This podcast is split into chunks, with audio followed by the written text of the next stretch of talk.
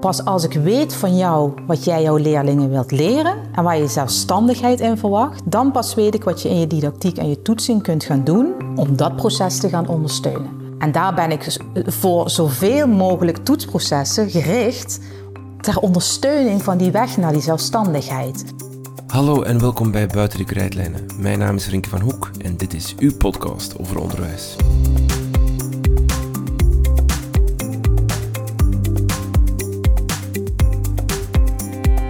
Hoe stel je een goede toets op en wat is de rol van toetsing eigenlijk? Met welk doel moet je een toets geven? Een overhoring, examens, toetsen, testen, namen genoeg voor dit fenomeen, maar wat ben je ermee als leerkracht? Is het enkel voor een cijfer of kan je er ook meer mee?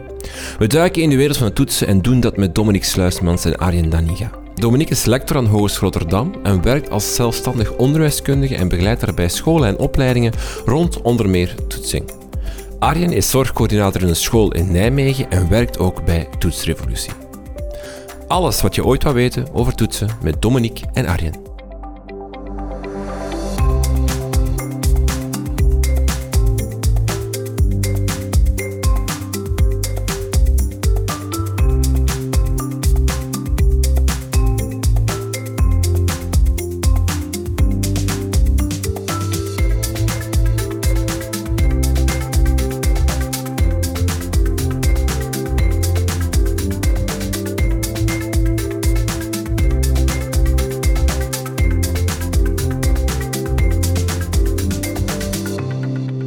Dag Arjen, welkom in de podcast. Uh, we gaan het vandaag hebben over hoe stel ik een goede toets op.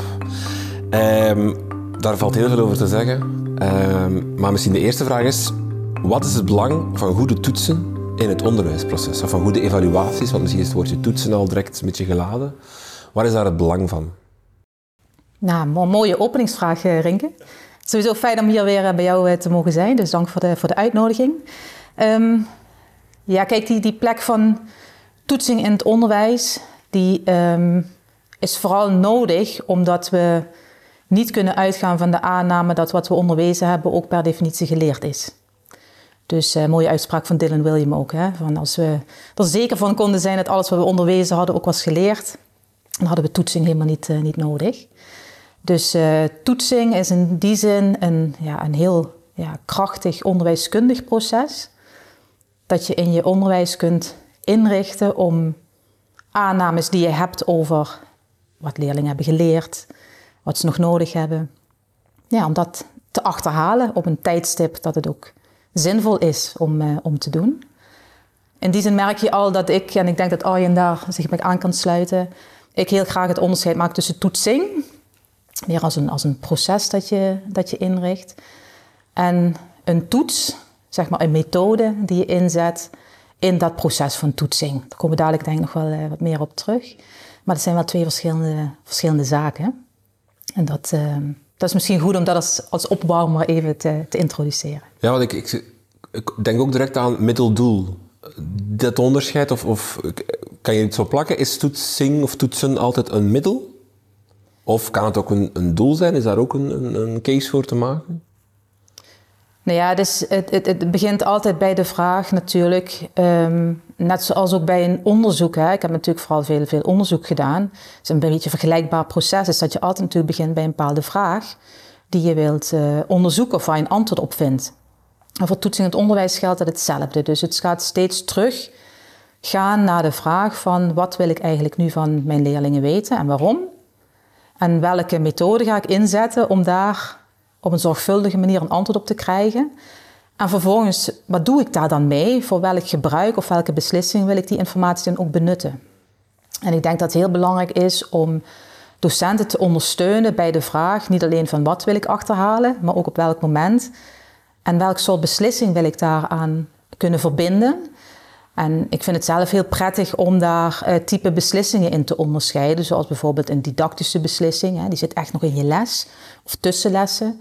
Of een diagnostische beslissing, meer over een periode heen.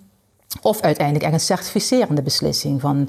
Nou, hebben we genoeg van die leerling gezien om ook hem of haar een diploma te kunnen verlenen? Of hem te kunnen bevorderen naar het volgende jaar, waar Arjen uh, heel veel inmiddels van weet. En het is een, een ander perspectief op toetsing dan we nu vaak doen met formatief, summatief of dat soort Ja. onderscheiden. Die vind ik eigenlijk niet meer zo heel zinvol. Dat ging mijn tweede vraag zijn. Je hebt ja. er twee soorten, formatief, summatief. Maar, maar wel, hoor ik dan goed dat, dat eigenlijk in de kern de toets aan zich altijd een middel is Ja. om een vraag te beantwoorden, een kennissleem te in te vullen over, over wat je leerlingen weten, of een manier om te studeren, of een manier om, om, te, om, om, om beter te leren, of om een beslissing te nemen naar volgend jaar toe. Dat, dat, dat, het mag nooit het doel op zich zijn. Nee, en, en toets is alleen maar een, een manier die je inzet om informatie te achterhalen over iets. In die zin doet een toets zelf ook nog niks. Hè? Dus het zit hem vooral in het gebruik ervan, in eh, wie er naar kijkt. eh, ehm, hebben we daarin de goede ogen? Ehm, is het rijk genoeg om die beslissing te kunnen nemen die we ook hadden beoogd? Dus ehm, in die zin is een toets natuurlijk nooit een doel op zich. Maar altijd iets dat je inzet in een groter proces. Ja. En ik vind dat altijd wel krachtig. Hè? Daar heb je me ook ooit op gewezen. Van juist dat zien van een toets, eh, dat, in, dat inzetten van een toets als een onderzoeksproces. Dat vind ik denk ik een eye-opener. Want ik denk inderdaad, waar je ook wel naar refereert, middel of doel, dat een toets toch vaak ook nog wel als doel wordt ingezet. Hè? Ik weet het nog heel goed als startende leerkracht. Eh, ik had een pittige klas. Dan was het voor mij ook wel eens een rustmoment wanneer ik een toets af kon nemen. Voor mij op dat moment eh, prima om de toets in te zetten als iets van... hey, eh, ik kan natuurlijk checken waar de leerlingen staan... maar het is ook heel prettig om even een moment eh, eh, nou, ja, rust in de week te hebben. Mhm. Er zijn natuurlijk veel meer manieren waarop je toetsen in kan zetten... waarbij het denk ik uiteindelijk maar de vraag is... of dat echt het doel is waarmee je een toets ook leerlingen vol wil houden. Juist dat onderzoeksproces, ingaan met een vraag van wie heb ik voor mij... En hoe kom ik erachter Mhm. wat die persoon in huis heeft, wat hij in zijn mars heeft? En hoe weet ik dan ook aan het eind van zo'n toets of ik daar een eh, valide beslissing over kan nemen, over wat ik heb g- gemeten? Ik denk dat daar echt de sleutel voor de docenten zit om, om op te focussen, om mee aan de slag te gaan. En dat is al best wel moeilijk en complex, Klopt. denk ik. Ja, want het, het, het- het lijkt alsof je dan naar, met een ander perspectief, of de toetsing vanuit een ander perspectief moet Zeker. bekijken. Ja. Meestal zien we het als, als de, als we het dan vanuit leerlingen bekijken, de hindernis op de weg, zal ik maar zeggen. Of de, de blokkade die dan misschien open gaat of niet. hè, de- het soort van, of, of, een, of een, een, een, een markering die we moeten passeren. En als ik jullie hoor, is het meer iets dat, dat niet voor je staat, maar naast je staat. Ja. Als ik, echt, als dit Ja. soort even 3D, maar en, en een hulpmiddel kan Klopt. zijn voor jou als leerkracht, maar ook voor jou als leerling om, om, om in te schalen waar je staat of, of Ja. hoe goed je het kan of, of wat je nog nodig hebt. Ik vergelijk Ja, wel eens met, eh, eh, met eh, Wie ben ik, het spelletje, of Wie is het? Ik weet niet eh, ja. eh, hoe je het hier in Vlaanderen ook noemen. Eh, wie is het, denk ik. Ja. Ja, ik speel het graag met mijn dochter van zes. En het is natuurlijk een prachtig spel. Waarbij je met vragen erachter moet komen wat het, eh, figuurtje is van, de, van je tegenspeler. En het doel is natuurlijk om zo goed mogelijk je vragen te formuleren. Na te denken van hoe kom ik nou zo goed mogelijk achter eh, hetgeen wie, eh, de persoon die de persoon eh, die mijn tegenspeler heeft uitgekozen. En dat vraagt een bepaalde ervaring. Mijn dochter vraagt vragen die misschien nog niet zo heel handig zijn, die niet goed direct discrimineren of hè, maken dat ik meteen heel wat poppetjes weg kan spelen. Dus ervaring speelt een rol. Uh, maar je kan er op heel veel facetten naar kijken. Hè. Op sommige momenten ben je in een paar vragen al erachter wie die andere persoon is. En zo kan het ook in de klas zijn. Hè. Als je bijvoorbeeld een leerling voor je ziet waarbij je na een paar toetsen al door hebt van hé, hey, die heeft het wel goed begrepen.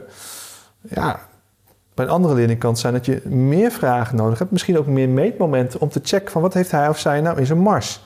Hè, vooral in, nou, Nederland hou ik me veel bezig met determinatie. Wat heel gaat over de vraag van waar is een leerling nou het best passend op zijn niveau.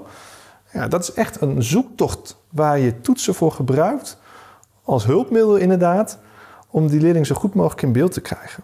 Ja, ik denk dat we niet moeten onderschatten dat, dat, dat iedereen bij toetsing bepaalde sentimenten heeft. Hè? Of vanuit zijn eigen ervaringen of vanuit zijn eigen schoolervaringen. Dus hoe dan ook heeft iedereen, en dat zal voor jou ook gelden, uh, beelden bij wat een toets voor jou betekent. En ik denk dat zeker voor leerlingen een toets toch iets is uh, waarop je moet presteren. Of waarop je niet mag falen. Of een docent uh, ook, ook dat ziet als een soort van ja, bijna een middel om de leerlingen aan het werk te krijgen. Van ja, als ik niet meer toets, dan doen ze niks meer. Dus het perspectief van een toetsing inzetten als een onderzoeksproces is natuurlijk een hele andere manier van je toetsen integreren in je onderwijs, dan het zien als een soort sluitstuk van een onderwijsleerproces. En dat is wel wat doorgaans nog vaak ehm, de interpretatie is van de plek van een toetsing in het onderwijs. Daarmee sluiten wij het onderwijs af. In plaats van dat we daar het onderwijs mee starten of het onderwijs mee blijven monitoren. En dus toetsing gaat over onderwijs. En dat, uh, dat weer een beetje in de, in, ja, uh, in de vezels krijgen, weer terug in ja, dat het echt gaat over dat primaire onderwijsproces. Dat vind ik nog wel een uitdaging, hoe, je, hoe we die weg met elkaar kunnen bewandelen. Ja, want ik zag dat Johannes Visser eh, een, een boek gaat schrijven over, uh, maar ik ben de titel kwijt. Cijfers. Is dit voor een cijfer? Ja, het is zoiets hè, over de cijfercultuur in, in dan Nederlands onderwijs, denk ik dat dan zal worden. Over, en hoe dat, dat in de weg zit, neem ik aan dat de premisse van zijn boek zal zijn. Ik heb het ook niet gelezen. Mhm. Maar onderschrijf je dat dan, dat, dat, dat door die toetsing en dan heel vaak met cijfers te koppelen en dat heel vaak zien als een soort van eindproces, dat dat een beetje in de weg zit van het, omarmen, het volledig omarmen van toetsing of toets kan een deel zijn van het leerproces. Mhm. Ja, alleen vrees ik soms een beetje dat we een beetje in het negatieve sentiment van toetsen blijven hangen dan. Hè? Dus dat het echt uh, om cijfers gaat en dat het tot prestatiedruk leidt. En ik denk dat toetsen juist ook heel erg dat leerproces ondersteunt. Um, als je het ziet als een curriculumvraagstuk. En niet als een toetstechnisch vraagstuk waarin je vooral moet, bezig moet zijn um, wel of geen cijfer en hoe vaak moeten we toetsen. Dus in het gesprek over toetsen zitten vaak heel erg in dat soort vormdiscussies. Maar gaan we, gaan we zelden terug naar maar welke visie op leren of onderwijs of welke bedoeling van onderwijs ligt er aan ten grondslag. En ik denk als we dat gesprek meer met elkaar voeren, dan volgt daar vanzelf een mooie vorm van toetsing bij die daarbij past. En, um, want voor je het weet zitten we in een discussie, we moeten stoppen met toetsen of we moeten stoppen met cijfers geven.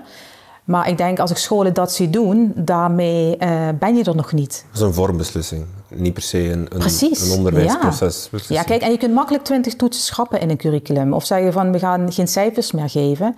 Maar ik vind het veel belangrijker dat er diep geworteld begrip komt over bijvoorbeeld het verschil tussen leren en presteren. Dat docenten bijvoorbeeld uh, het besef krijgen dat één toets nog weinig zegt of er daadwerkelijk geleerd is. Uh, dat één toets nog, een, nog geen goede toets is, omdat het altijd maar een beperkte set aan vragen heeft die je had kunnen bevragen. Dus echt heel erg teruggaan naar um, dat proces hè, van wat wil je weten op welk moment. En kom je met die toets die jij afneemt, ja, krijg je die informatie wel en is die stevig genoeg om die beslissing die je wilt nemen ook te mogen nemen ja, dat, die manier van denken en werken, ik denk dat dat ook veel inspirerender is, omdat je dan ook weer hebt over de inhoud van het vak. En ik wil graag het over de inhoud van het curriculum hebben. Wat wil je je leerlingen leren? Ja, mijn volgende vraag ging dus zijn, summatief of formatief toetsen, wat is het verschil en, en uh, hoe verhoudt dat verschil? Maar dat is dus geen interessante vraag meer, of, of, of, of, niet meer in, in dit... Is het nog een interessante opdeling? Nou, kijk, ik denk dat de last is dat er zoveel uh, onduidelijkheid uh, bestaat over al die begrippen. Mm -hmm. is het formatief toetsen? Is het formatief evalueren? Is het hm. formatief handelen? Ja. Dat zorgt voor heel veel verwarring. Formatief zonder cijfers, ja dan nee. Ja. Zo, nou, dat ja, soort, ja, ik heb het, ja, ik heb het zeker in die coronaperiode heel veel gezien. Hè. We wilden toch nog wel blijven toetsen, want we moeten iets rapporteren op een uh, cijferlijst voor ouders of voor leerlingen. Maar dat kon niet meer fysiek op school. Ja, wat mag dan wel of niet op zo'n mm -hmm. schermpje? Laten we het dan wel of niet meewegen? En er is daardoor heel veel verwarring ontstaan over dit soort begrippen. En ik, uh, ik denk, nou ja, dat, dat, ik weet dat jij er ook zo over denkt, Dominique, dat dat de discussie ook gewoon heel lastig maakt. Want ik ben met je eens, Dominique, dat de cultuur. Laten we moeten uitkijken dat we toetsing in het verdomhoekje plaatsen. Maar daar zit hij natuurlijk al wel, denk ik. En het is de zoektocht, en dat vind ik ook zo'n mooi streven, van hoe halen we hem daaruit? Dan helpt het niet om met allerlei nieuwe begrippen te komen om het nog complexer te maken. De docent wil denk ik uiteindelijk ook gewoon weten waar ben ik aan toe? Hoe kan een toets ook een heel mooi middel zijn om mij te helpen? Uh, in plaats van, ja, ik moet een x aantal toetsen genereren. Uh, per rapport of per... Ja, en, en laten we heel eerlijk zijn. We leven in een cultuur waarbij we heel erg proberen het subjectieve ook objectiever... of in ieder geval meetbaarder te maken. Als ik naar het toilet ga dan wordt mij al gevraagd om op een smiley te drukken. Om eh, mijn beleving op dat toilet uh, te, te, te weer te geven in een beoordeling. Heb je al hier, Renke? Nee, maar wel een goed idee. Goed idee. nee, maar het, het, zegt wel iets over hoe we denken dat cijfers een betrouwbare weergave zijn van hoe een kind in elkaar steekt. En toch ook de idee daarbij dat daar toetsen voor nodig zijn. En dat daar een x aantal toetsen ook voor nodig zijn om überhaupt een goed plaatje van die leerling um, te maken. Maar dan is het dus heel belangrijk naar welk plaatje je op zoek bent. Hè? Dus het formatief en summatief wordt nu vaak heel gezien als een eigenschap van een toets. En dat herken je misschien wel. Er wordt gezegd van morgen krijg je een formatieve toets. En die leerling denkt dan van, oh fijn, daar hoef ik niks voor te doen, want die telt toch niet mee. Ik denk dat we al een hele sprong voorwaarts maken als we formatief of summatief niet meer zien als eigenschappen van toetsen, maar als eigenschappen van type conclusies die je wilt trekken. Dus, Want een toets kan formatief en summatief zijn. Nou, de, de beslissing kan formatief of summatief zijn. En formatief koppel ik heel erg aan de didactische en de diagnostische beslissingen. Die staan echt nog in dienst van het leerproces. Dus die moeten nog informatie genereren over die vervolgstappen. En de certificerende beslissingen, die zou je summatief kunnen noemen, maar die gaan echt over. En nu durven te zeggen dat jij een aantal dingen echt zelfstandig beheerst. Dus bij Toetsrevolutie vind ik het zo prachtig dat er voortdurend wordt gesproken. Hoe kunnen wij leerlingen helpen naar zelfstandigheid? En dan moet je dus vragen aan docenten van naar welke zelfstandigheid ben jij op zoek? Nou ja, dat kan voor jouw vak kan dat zijn dat jij zelfstandig wil dat ze bepaalde teksten kunnen schrijven of kunnen begrijpen of dat ze uh, bepaalde taalstijlen taal, uh, beheersen. Maar je wilt misschien ook dat ze zelfstandig hun eigen proces kunnen reguleren. Nou, dus pas als ik weet van jou wat jij jouw leerlingen wilt leren en waar je zelfstandigheid in verwacht, dan pas weet ik wat je in je didactiek en je toetsing kunt gaan doen om dat proces te gaan ondersteunen. En daar ben ik voor zoveel mogelijk toetsprocessen gericht ter ondersteuning van die weg naar die zelfstandigheid. Dus wat kun jij doen in jouw toetsing? Een toetsing in de brede zin des woords. Dat jij tijdig iets van jouw leerlingen komt te weten, dat jou als docent, maar ook jou als leerling helpt. Ah, dit heb ik dus nu aan, dit, dit wordt nu mijn eerste vervolgstap om het straks zelf te kunnen. Ik weet niet of jullie die, die plaatjes kennen hè, van examenzalen, hè, waarin die tafels uit elkaar staan. En, en dan vinden we vaak een, een schrikbarend beeld hè, van oh, de toets en bang en oh, presteren. Terwijl je ook kunt denken van nee, dan heb je eigenlijk het harde werk achter de rug. En nu kun je laten zien dat je het zelfstandig lukt. Zonder hulpmiddelen, zonder de docent. Het toonmoment. Ja, en dat vind ik juist dat vind ik een heel mooi streven van toetsprocessen. Dat je uiteindelijk ook echt die student of leerling naar zelfstandigheid hebt gebracht. En nu zijn vaak studenten en leerlingen, ja, ik zie bij mijn eigen kinderen of misschien herken je bij je leerlingen. Die hebben allerlei strategieën om maar een voldoende op een toets te halen. Oftewel door vragen vorig jaar eh, naar boven te zien te krijgen, of samenvattingen te zoeken, of te spieken. Er is een heel mooi boekje ook uh, over het traktaat van het spieken. Dat gaat echt vooral over. Spieken is dus een vorm van onzelfstandigheid. En ja, dan heb je misschien dan wel een 8 gehaald op de toets. Maar wat zegt dat dan? En wat jij heel mooi zegt, Dominique, en dat is denk ik ook de uitdaging voor docenten, is dat je daar het gesprek over voert met mhm. elkaar. Wat is het dan in zichtbaar gedrag, attitudes en kennis en kunde, wat we verwachten aan het eind van een leerjaar bijvoorbeeld, uh, uh, bij een leerling? En wat betekent dat dan teruggeredeneerd op de verschillende toetsmomenten waar we dat terug willen zien? En dat is tegelijkertijd dus ook de moeilijkste vraag en toetsing die je moet beantwoorden. Naar welke kwaliteit ben je op zoek? Hoe ziet dat eruit? Maar zolang je dat niet weet, heeft het eigenlijk ook weinig zin om je didactiek en je toetsing te gaan inrichten. Dus het begint eerst bij de vraag, hè, dat noem ik ook curriculumbewustzijn. Wat wil jij leren? Hoe bouwt zich dat op? Uh, ben je bewust wat ervoor dat jij jouw leerling in de klas kreeg? Wat heeft de leerling toen gehad? Wat komt daarna? En dat is allemaal heel erg belangrijk om ook te weten wat het voor je toetsprocessen uh, betekent. En dan vind ik het fijn om onderscheid te maken tussen kwaliteit van werk, hè, dus van wat wil je aan prestaties op inhoudelijk vlak zien, maar misschien ook kwaliteit van gedrag. Dus wat is voor jou belangrijk? Ook dat je bij die student aan zelfregulerend gedrag, werkhouding wilt zien. Zodra uh, docenten of in eenzelfde vaksectie of, of, of als team van een bepaald leerjaar met elkaar helder hebben van oké, dit is waar wij collectief voor verantwoordelijk zijn in ons onderwijsproces, hoe meer dat gaat helpen om ook de juiste keuzes te gaan maken, wat dat betekent voor je manier van onderwijzen en je manier van, uh, van toetsen. En nu zie je toch vaak dat het een hele individuele aangelegenheid is. Dus dat, dat, docenten daar eigen beelden over hebben wat zij kwaliteit van werk vinden. Maar uiteindelijk komt het dus ook tot uiting op wat er op de toets wordt bevraagd. Maar dan ben je eigenlijk dus te laat. Want ik herken die discussie heel hard van met mijn collega's van wat voor toets geef jij? Oh, jij vraagt iets anders. Eigenlijk komt dat dan neer op onze doelen van, de, van wat we willen dat de leerling kan op het einde van die lesreeks of op het einde van het trimester of op het einde van een bepaald onderwerp, die zijn op dat moment eigenlijk niet helder. Want als die echt helder zouden zijn voor ons allebei, dan zouden we eigenlijk dezelfde misschien exact dezelfde vraag, maar wel hetzelfde bevragen. Nou ja, dan krijg je misschien ook wel zelfs vrijheid in de toets, omdat je weet, we hebben wel hetzelfde voor ogen naar welke kwaliteit we toe willen werken. En, en nu zie ik vaak dat we natuurlijk wel lijsten van leerdoelen hebben, hè, vaak op taxonomieën gebaseerd. Dus dan zijn er wel allemaal mooie, prachtige leerdoelen geformuleerd. Maar ik vind nog veel belangrijker, waaraan zien we dan ook dat een leerling dat doel heeft bereikt?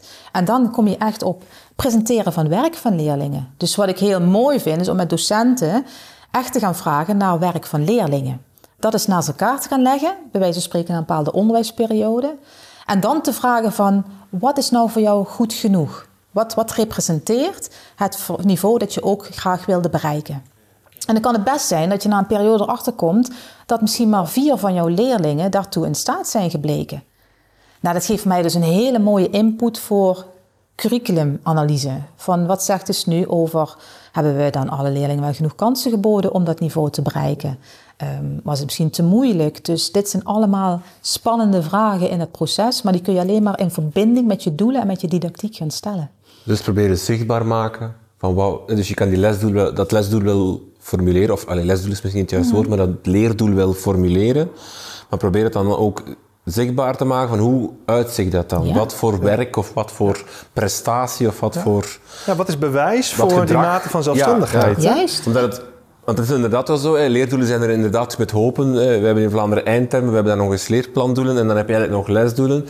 Maar heel vaak blijven die wel in een soort van vaagheid of in een soort van uh, wollige omschrijving hangen. Ja, die, precies. Maar uitgebreide rubrics en allemaal niveaus. en, en, uh, en ja, hoe gaaf is het om gewoon te kijken naar echt van de uiting van kennis en vaardigheid. Hè? Dus wat, um, maar dat is ook naar mijn idee een van de weinige manieren om met elkaar ook tot het kwaliteitsbesef te komen van Um, van ja, waar willen we ons op, onderwijs op gaan inzetten en waar ook niet. Want ik denk hoe sneller je weet welke kwaliteit je nastreeft, hoe meer het ook gaat helpen om keuzes te gaan maken in je curriculum. Wat vinden we essentieel en wat gaan we misschien wat minder doen en waarom maken we die keuzes? En kijk, die keuzes voor leerdoelen of rubrics is misschien ook begrijpelijk. Hè? Het is een, vaak een eenmalige investering. Je gaat er als team een jaar voor zitten, je werkt het goed uit en je hebt ook het idee, daarna staat het. Maar waar wij voor staan is dat je continu met elkaar daarover het gesprek blijft voeren. Dat is natuurlijk qua tijdsinvestering een, een, een veel grotere, of nou, qua tijd is een veel grotere investering. Het maakt ook dat je zelf als docent nou, enige nederigheid, nederigheid moet hebben. Dat je samen met elkaar als team gaat nadenken over wat vinden we nou samen uh, kwaliteit nou ja, dat is een heel goed punt. Kijk, wat interessant, in, in Nederland is in 2017 een, eh, een, onderzoek uitgevoerd waarin docenten in het PO en VO zijn bevraagd op uh, aan welke activiteiten besteden zij hun tijd. Nou, het bleek dat dus aan toetsing. Hè? Dan heb ik het over het voorbereiden van een toets, het nakijken van de toets, het afnemen van een toets. Docenten gemiddeld 7,9 uur per week kwijt zijn. 7,9 uur. En denk van ja, die tijd kun je ook voor andere dingen gebruiken. Of het inderdaad, eh, wat je zegt Arjen, over, over weer terug naar wat vinden we eigenlijk belangrijk in een curriculum? Wat, is, wat zijn de doelen? Wat, zijn, wat is de bedoeling? En ik denk dat we nu toetsen te snel zien als een, um, ja, een beetje een instrumenteel vraagstuk. Hè? Dus van hoe maak je een goede toetsvraag, uh, P-waardes, A-waardes, discriminatie, dus de hele toetstechnische kant.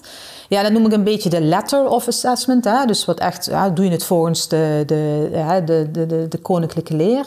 Maar daarmee verlies je naar mijn idee een beetje de spirit van assessment. Die echt gaat over, nee, we zijn hier om, om die leerlingen iets te leren waar ze als het goed is nog heel lang plezier van hebben. En daar zit vaak ook de energie van docenten om daar met elkaar over te hebben. Vertel eens over jouw wiskundevak en jouw geschiedenis. Of waar zitten ook misschien dwarsverbanden tussen vakken. Ja, maar er zit ook de weg van moeilijkheid. Hè? Enorm. Gesprek met elkaar voeren over waar leggen wij de 5,5 neer. heel vaak laten we dat baseren op een bepaald aantal puntentabellen bijvoorbeeld. Maar het is een hele essentiële vraag. Waarom is een 5,4 volgens jou onvoldoende bewijs van zelfstandigheid of van begrip en een 5,6 wel? Die vraag met elkaar behandelen, door bijvoorbeeld inderdaad te kijken naar uh, aangeleverd werk van leerlingen en met elkaar inhoudelijk het gesprek te voeren als docenten van wat vinden wij nou voldoende en wat niet. Ja, dat is een heel krachtig, maar ook heel complex gesprek om met elkaar te voeren. Heeft het ook niet te maken met de connotatie die we aan het woord toets geven? Als we toets of test of overhoring gebruiken, dan stellen we ons, wat, misschien het beeld dat jij daarnet ook schetste, uh, allemaal kindjes aan een bank, liefst apart, met een blaadje papier voor zich, met daarop een, een hoofdding waar ze hun naam moeten invullen, met daarop punten. Terwijl op zich moet dat niet zo, die, die definitie van een toets moet niet zo eng zijn, denk ik dan, als je Um, of ik zal die vraag aan jullie stellen. Moet, is, dat, is dat de, de, enige definitie van toets of, of, kan het ook veel breder zijn? Ja, ik denk dat we... De, uh, we, laten er heel veel van afhangen. En dat is denk ik het, hetgeen wat het voor leerlingen, maar ook ouders zo belangrijk maakt. Maar is bijvoorbeeld als je naar het wc gaat en je moet dan op zo'n drie smileys drukken, is dat een toets? Allee, niet in, in schoolcontext, maar je wordt op, moment een vraag gesteld. Ja, het is een je meting. moet daarop antwoorden. Het is een eh, meting en toets bijvoorbeeld. Dat Kijk, ik, zie dat, ik, kom, ik, kom, terug op die analogie met onderzoeksmethoden. Kijk, ik heb minder ervaring als docent, hè, ook in het maken van toetsen. Maar ik heb natuurlijk ontzettend veel uh, studies moeten inrichten. Eigenlijk voor hetzelfde principe. Uiteindelijk moet een goed onderzoek een valide uitspraak doen over de onderzoeksvraag die je had. Maar goed, ik ben opgeleid als onderzoeker. Uh, docenten worden opgeleid met name ook als docent. Ja. En wat ik nu zie is dat we ontzettend goede boeken hebben over uh, doelen en leerlijnen. En dan hebben we een hele stapel boeken die gaan over didactiek, hè, bijvoorbeeld wijze lessen of andere soorten boeken. En dan hebben we nog een stapel boeken die gaan over toetsing. Maar de kracht zit juist in de verbinding van die drie domeinen. Mm. En dat zijn we, toetsing heeft zich een beetje losgeweekt van, uh, van de onderwijsdoelen. En dat, omdat, precies wat je zegt, Arjen, omdat dat een veel ingewikkelder uh, gesprek is. Kijk, wij zouden onze dagen kunnen vullen met, met docenten allerlei checklistjes geven, hoe je een goede toets maakt, hoe je een goede toetsvraag maakt. Maar mhm. die, ja, de eerste vraag die je daarin stelt is wel van naar welke kwaliteit van werk en gedrag ben je op zoek. Mhm. En zolang die vraag niet eenduidig kan worden beantwoord, kun je al die andere vragen al niet eens gaan beantwoorden. Dus die vraagt echt uh, een eerste flinke investering. Want als je even terug gaat naar die formatief-summatief, bijvoorbeeld, ik denk formatief toetsen of formatief handelen, dat doen heel veel leerkrachten ook onbewust Heel vaak. Hè? Gewoon even vragen aan je klas of een, een sommetje geven. En dan heel de klas lost het op en je checkt even. En je denkt, oh, die tien kunnen het al, die niet, nog niet. Is op zich een soort van formatief handelen, formatief toetsen. Een, een, een quizje organiseren, digitaal. En daarmee een soort van voorkennis peilen van je leerlingen. Is op zich ook een vorm van toetsen of handelen? Of vinden jullie dat een stap te ver? Nou kijk, ik denk dat je als, een, als docent of überhaupt als mens de hele dag door informatie verzamelt en daar al dan niet bewust iets mee doet. En dat gebeurt natuurlijk in, in, een, in, een, in klassensituatie ook. Al is het maar de informatie die je opneemt, hoe je leerlingen binnenkomen, hoe actief ze participeren in jouw lessen, wat ze daarin laten zien. Als docent, er is ook, is een keer onderzoek naar gedaan, die maakt honderden beslissingen op een dag, of die neemt honderden beslissingen op een dag. Maar de vraag hier gaat natuurlijk over, wanneer heb ik welke informatie nodig ten behoeve van welke soorten beslissingen? Nou, als het gaat om dat formatief handelen, dat is een heel krachtig proces dat jou helpt om informatie te krijgen over moet ik iets anders gaan doen in mijn didactiek. dus kan ik nou mijn les gaan geven zoals gepland? Of kom ik bijvoorbeeld erachter door een voorkennisactivatie dat ik andere lesinhouden nog een keer moet laten oefenen of daar nog een een opdracht in moet geven? Dan heeft het toetsproces jou geholpen om die beslissing beter onderbouwd te nemen dan wanneer je dat niet had gedaan. Dan was je misschien gewoon met je les begonnen en had je niet geweten dat eigenlijk de helft van je klas nog helemaal niet meer wist wat het concept was wat je de vorige keer hebt behandeld. Maar dan moet je dus als docent wel weten op welke momenten is het zinvol en nodig dat ik iets van mijn leerlingen te weten kom en wanneer ja, misschien ook niet. Dus vaak net op die ja, drempelmomenten in je onderwijs. Hè? Bijvoorbeeld als jij iets wil gaan onderwijzen waar echt bepaalde voorkennis voor nodig is dan zou het zinvol zijn van, oh, ik ga nu een procesje van toetsing inrichten. Dat mij in ieder geval als docent informatie geeft of ik wel het besluit kan nemen om verder te gaan met mijn les zoals gepland. Of dat ik toch eerst iets anders ga doen. Of dat die leerlingen dus ook iets anders moeten gaan doen. En dat gaat ervoor zorgen dat ook leerlingen tijdiger eh, de kans krijgen om iets opnieuw op te halen of iets te leren. Waar we nu pas na tien weken bij een toets erachter komen zijn dat die leerlingen ergens gedurende de rit zijn verloren. En daarom hamer ik dus op dat toetsing eigenlijk vooral zit in de dagdagelijkse praktijk van het onderwijs geven. En daar hoop ik ook docenten weer ehm, ja, de ruimte in te gunnen om die informatie ook ja, weer daarin gewaardeerd te worden, dat die ook zinvol is. Ja, en, en het kan elkaar versterken bij de processen. Juist door dat actief formatief handelen in je klas, geef je de leerling meer inzicht in waar hij of zij staat. Betekent dat hij of zij zich ook beter kan voorbereiden op de toets. In ieder geval beter kan afwegen hoeveel tijd hij gaat investeren in de voorbereiding van de toets. Dat vergeet u nog wel eens, maar daar kan de leerling eigen keuzes in maken. Door dat proces van formatief handelen heeft hij door van hé, waar sta ik ongeveer? En het, uh, het maakt voor jou als docent het ook heel waardevol dat je voor de hele groep inzichtelijk hebt van hé, hey, waar staan we? En wat betekent dat dan ook uiteindelijk voor mhm. het moment van afname van mijn summatieve toets, maar ook voor de structuur, aanpak en opbouw van die toets die ik dan af ga nemen? Ja, en het, het, blijft super spannend, hè? want eh, wanneer mag je iets concluderen? Hè? Van, is dat als uh, eh, 80% van je leerlingen het goede antwoord geeft? En wat zegt dat goede antwoord dan op dat moment? Misschien is het nog wel helemaal geen bewijs van, van leren, hè? In, in de zin van dat het echt verankerd is in, in langetermijn uh, geheugen. Dus ik vind die toets na een tijd, die vind ik nog wel heel spannend. Die we nu bekend vaak van tentamenweken of proefwerkweken. Ik weet niet hoe jullie het hier, hier noemen. Examens. Examens. Ja, de constructie van zo'n uh, toetsmethode, uh, die vraagt nog wel iets meer van docenten. Want dan moet je gaan nadenken over de integratie tussen al die bouwsteentjes die je in die zeg tien weken bij die leerlingen hebt willen aanleggen. En dan wil je zien van, kunnen daar leerlingen nu chocola van maken? Kunnen ze in een casuïstiek of in een grotere vraag de verbinding, de samenhang tussen die verschillende kennisbouwstenen laten zien. Hè. Dus zie je, uh, zie je diepgeworteld begrip terug. En wat ik nu zie vaak bij toetsen die dan worden afgenomen, is dat er toch nog een deel van toetsen zijn die eigenlijk vooral retrieval vragen, hè, gewoon losse feiten.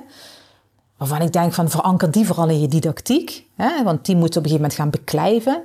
Maar ga vooral in zo'n toets uh, op zoek naar uh, de kwaliteit van die kennisschema's. Hè. Kan, kan een leerling nu ook echt uiting geven transfer naar, naar van die kennis naar nieuwe.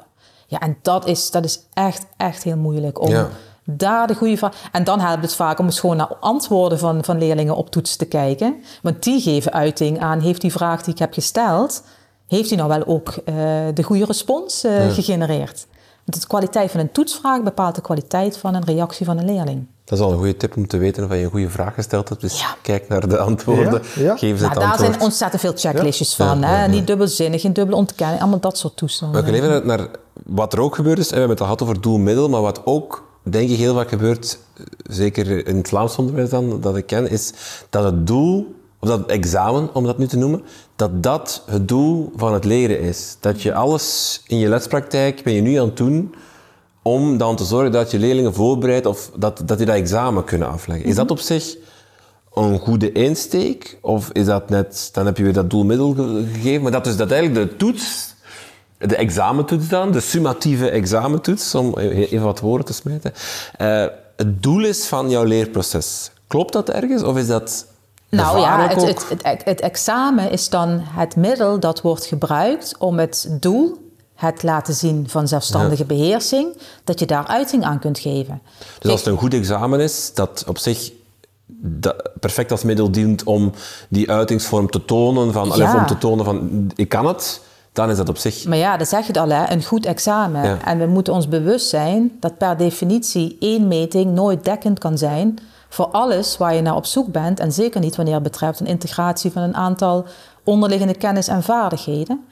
Dus hoe rijk maak je die dan? Hè? Dus hoe authentiek maak je die, dat examen? Dat het ook echt uh, gedrag um, uh, oproept bij die leerling, die ook uiting geeft aan waar je naar op zoek was. Kijk, bij muziekexamens of bij uh, presentaties of mondeling examens, die vind ik vaak heel rijk. Want daar kun je veel zaken tegelijkertijd dan in verbinding met elkaar brengen. Maar hoe dan ook, um, blijft het één informatiebron in een langlopend uh, proces. Dus we moeten voorzichtig zijn met de waarden die we daar dan aan, geven. En dan kom je op validiteit en betrouwbaarheid, transparantie, uh, allemaal dat soort uh, criteria voor toetsen. Waarvan validiteit de meest belangrijke is. Hm. Want, Wat is die validiteit? Wat verstaan we onder een valide toets? Of, of...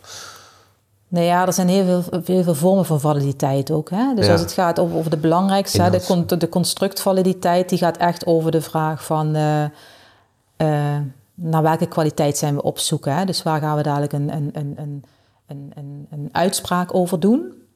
Dus daar begint het al mee. Maar je wilt ook iets van eh, bijvoorbeeld criteriumvaliditeit. Dus stel jij hebt het examen gedaan, is het ook een soort van voorspeller dat je op een ander examen over hetzelfde ook goed zal presteren. Hè? Dus een, een, een, een rijexamen of een zwemexamen is bedoeld dat je daarmee vertrouwen krijgt dat als jij de volgende keer de weg op gaat, dat je nog steeds zo goed kan rijden als tijdens jouw, uh, jouw rijexamen.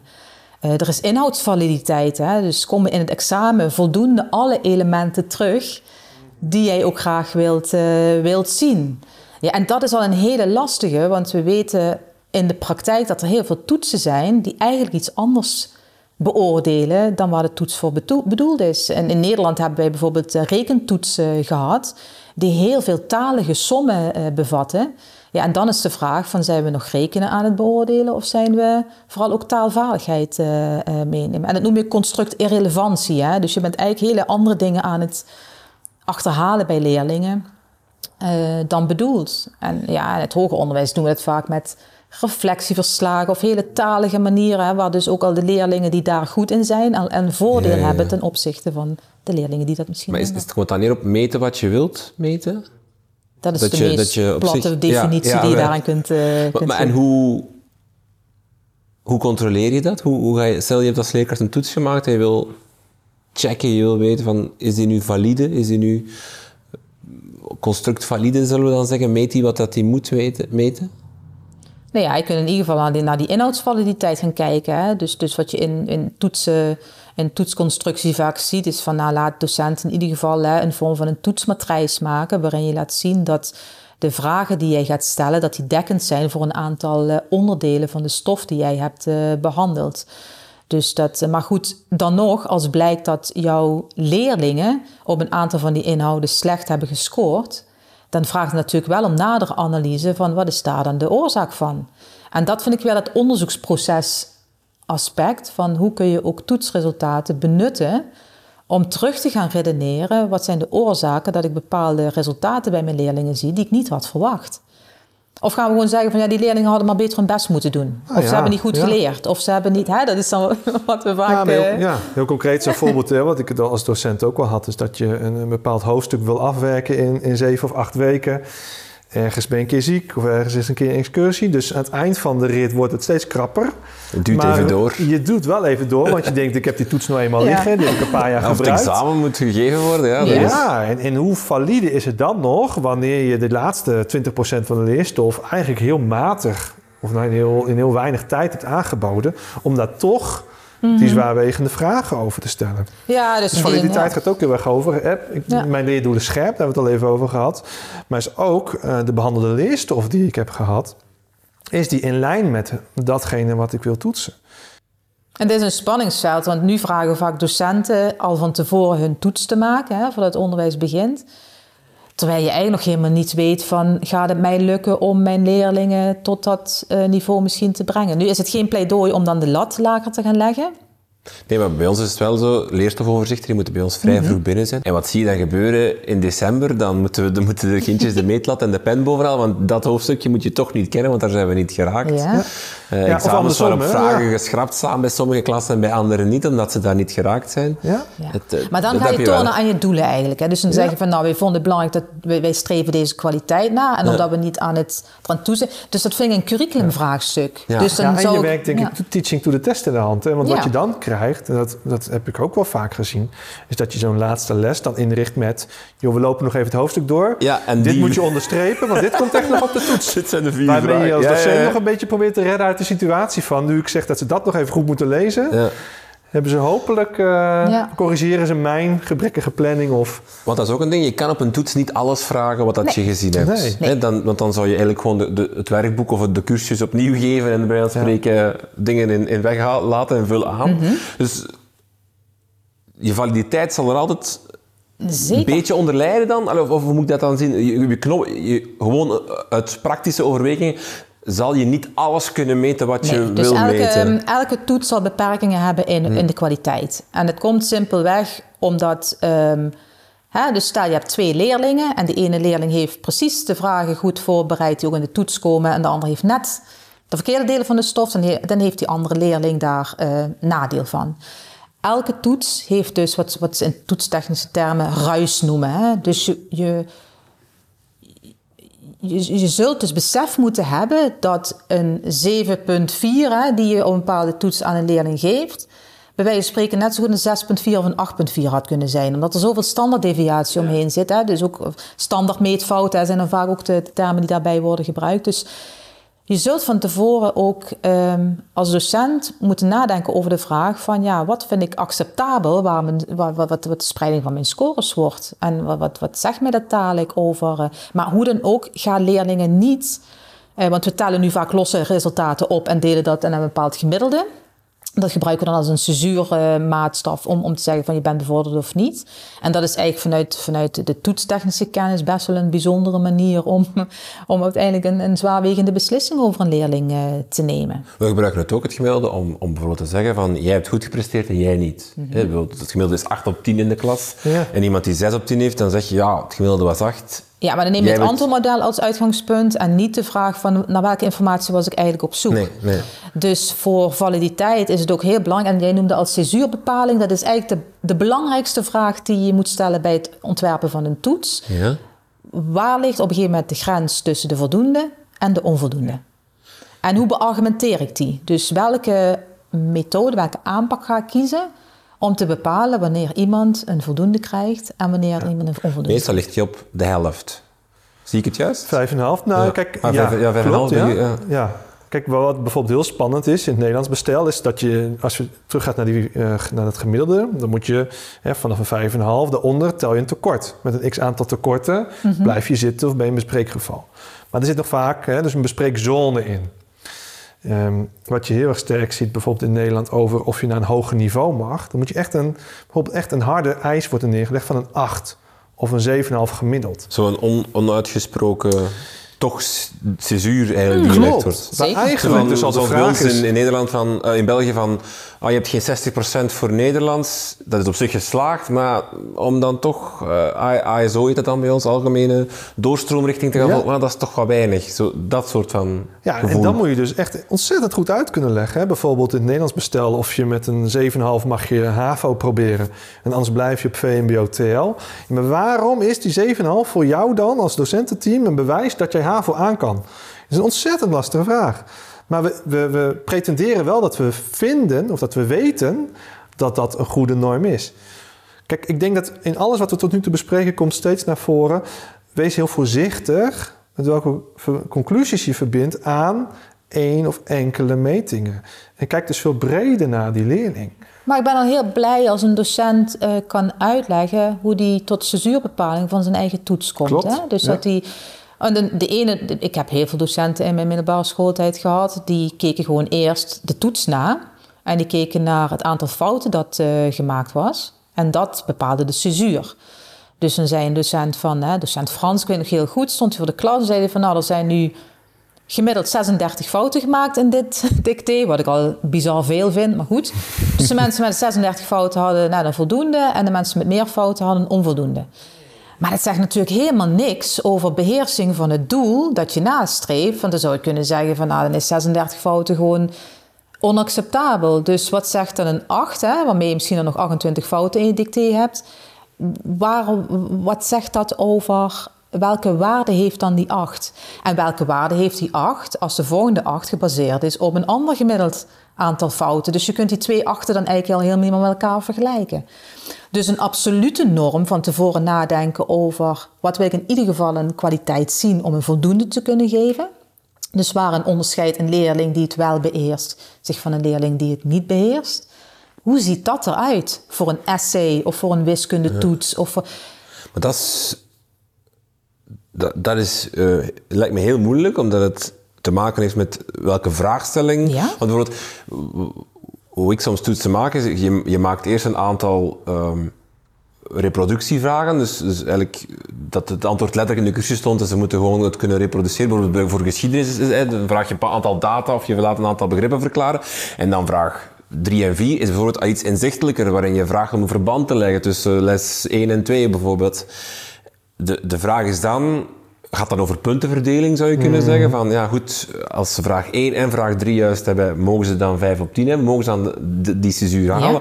Of niet? Dat is dan eigenlijk de discussie die je Klopt, moet, ja. En die kan je, moet voldoende, voeren. ja, en kan je voldoende behalen Met alleen de reproductie. Door met enkele- alleen reproductie? Ja, ja, bijvoorbeeld. dus daar zit weer het onderzoeksproces onder. Van wat wil ik nou weten aan het eind van het jaar over het kennen en kunnen van die leerling? En helpt mij dat dan wanneer ik toetsen ontwikkeld waar met een stuk geluk en reproductie bijvoorbeeld, leerlingen eh, door het jaar Ja. heen cruisen en die 5,5 al scoren. Ja, ja. Ja, en er zijn heel veel verschillende manieren om dat ook als docent om daarbij te ondersteunen. Hè. Ehm, ja, als je kijkt naar de methode van de Groot, hè, die zegt van ga naar de kernitems kijken in je, in je toets. Hè. Dus welke, wat, zijn de, wat zijn de toetsvragen die jij in ieder geval nu het belangrijkste vindt?